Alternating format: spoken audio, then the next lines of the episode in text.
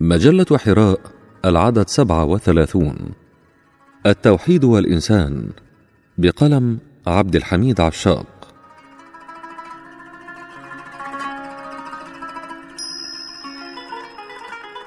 التوحيد جوهر الدين وقطب رحى الإسلام والمقصد الأسنى لرسالة القرآن. ولا يخلو موطن أو موضع في القرآن من تقريره وتوكيده والتنويه به. والسؤال لماذا تبوأ التوحيد هذه المنزلة العظيمة الخطيرة في الإسلام؟ لماذا لا يغفر الله أن يشرك به ويغفر ما دون ذلك لمن يشاء؟ وما علاقة التوحيد بحركة الإنسان في الأرض ومعاشه ونشاطه التاريخي وسائر أحواله وعلاقاته ومؤسساته؟ الجواب عن هذا السؤال ذو شجون ربما لا يتسع المقام لبسطه وتفصيله.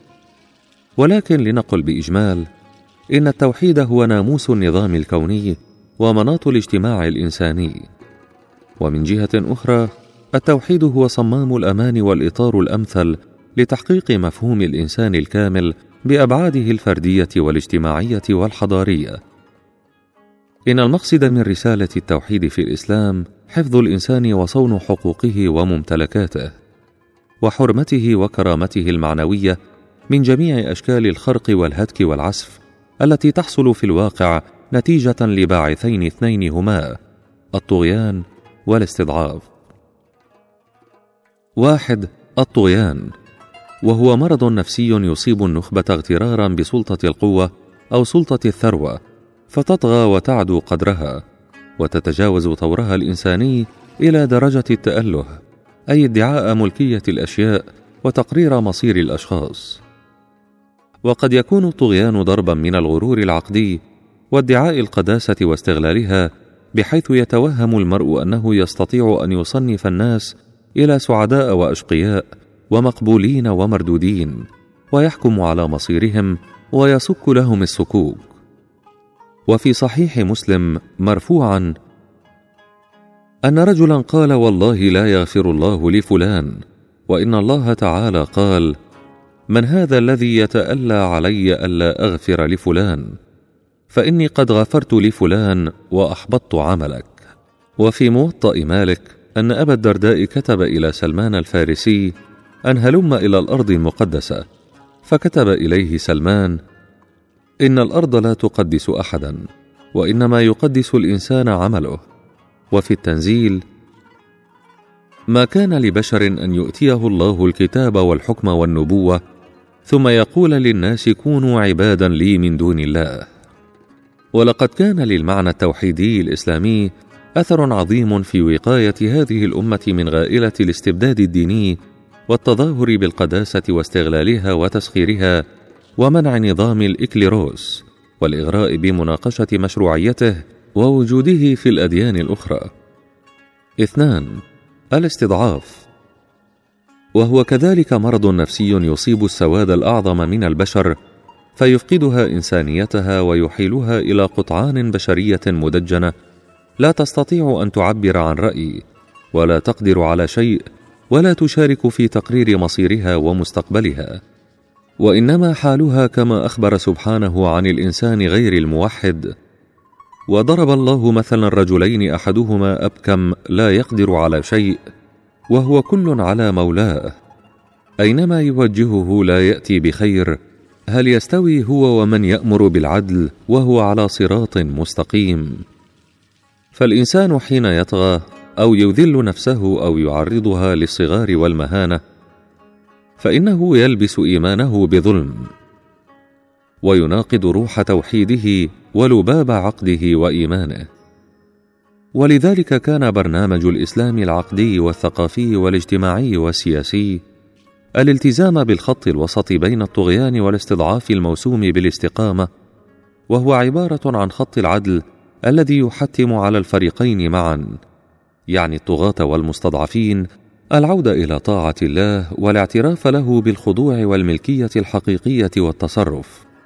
ومن ثم عرفوا التوحيد بأنه لا يستحق الخضوع شيء سوى الله وهو يتجسد في وعي المكلفين وعقيدتهم ويتجلى في أوضاع الأمة الفردية والمجتمعية وتربية نشأتها وأجيالها وصياغة نظم حياتها وثقافتها ورموزها وفنونها على عدم الإذعان والانقياد لغير الله تعالى. فكل مخلوق عدا النبي المعصوم صلى الله عليه وسلم يؤخذ من كلامه ويرد وتناقش أوامره وتعرف وتنكر وتنتقد أفعاله وتصرفاته. بمعنى أن التوحيد هو القطب المناقض بالضرورة لثقافة التقديس وثقافة التبعية والطاعة العمياء التي تفرزها الأيديولوجيات المختلفة المكرسة لترويض أتباعها على الصمت والخضوع المطلق.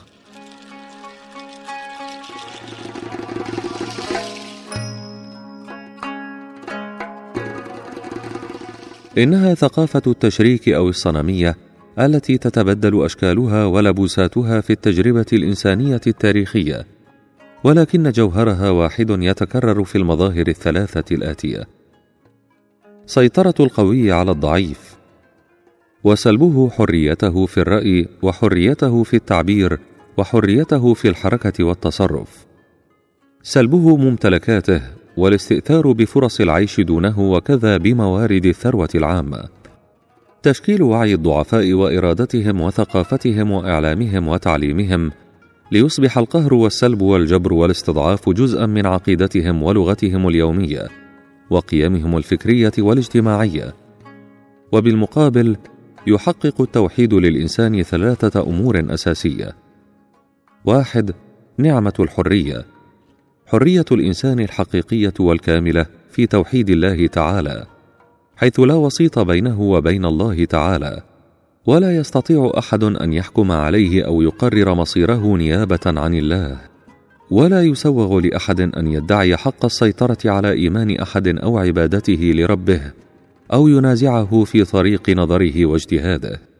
كما لا يسوغ لأحد أن يسترق إنسانا أو يستعبده لأن الشارع متشوق إلى الحرية وقد عبر عمر رضي الله عنه عن هذا المبدأ الأصيل بقوله متى استعبدتم الناس وقد ولدتهم أمهاتهم أحرارا؟ اثنان نعمة التسامي وهي وعي الإنسان بإنسانيته الفطرية كما جبل عليها مما لا يسمح بأي شكل من أشكال تدجينه أو تسخيره أو تشيئه بمعنى تحويله إلى متاع يملك. لأن الإنسان في ظل التوحيد يملك ولا يملك. إنه ليس شخصية تسويقية قابلة للتبادل والمقايضة. كما أنه ليس رقما استدلاليا على نحو ما تصطلح عليه المؤسسات المالية. كما أنه ليس صوتا انتخابيا يباع ويشترى ولا مسمارا في آلة وإنما هو الإنسان المكرم وحسب. ثلاثة نعمة المساواة مع الغير. فإن الحرية إنما ينالها المرء بعد شعوره بوجوب مساواته مع غيره فيها وإلا كانت الاستعباد الذي نفر منه. فالتوحيد يحقق للمرء المساواة مع غيره في ضرورة تصريف شؤونه ومصالحه وتقرير مصيره ومستقبله وهو الذي يشعره بذاته المستقلة التي تأبى الفناء في الآخرين والانمياع فيهم ويمنحه القدرة على مراجعتهم ومساءلتهم ومفاوضتهم وقول لا حيث يجب أن تقال.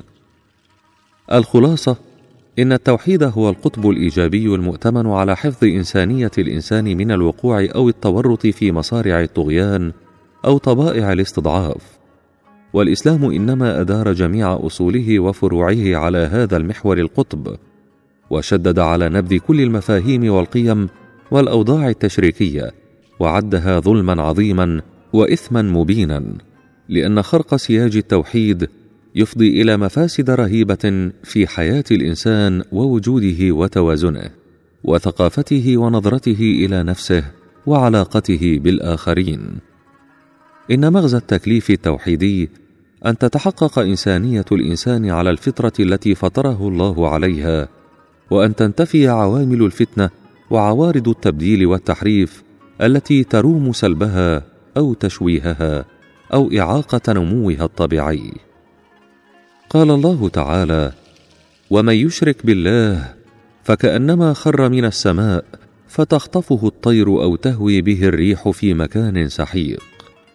وقال جل شأنه إن الله لا يغفر أن يشرك به ويغفر ما دون ذلك لمن يشاء ومن يشرك بالله فقد افترى اثما عظيما.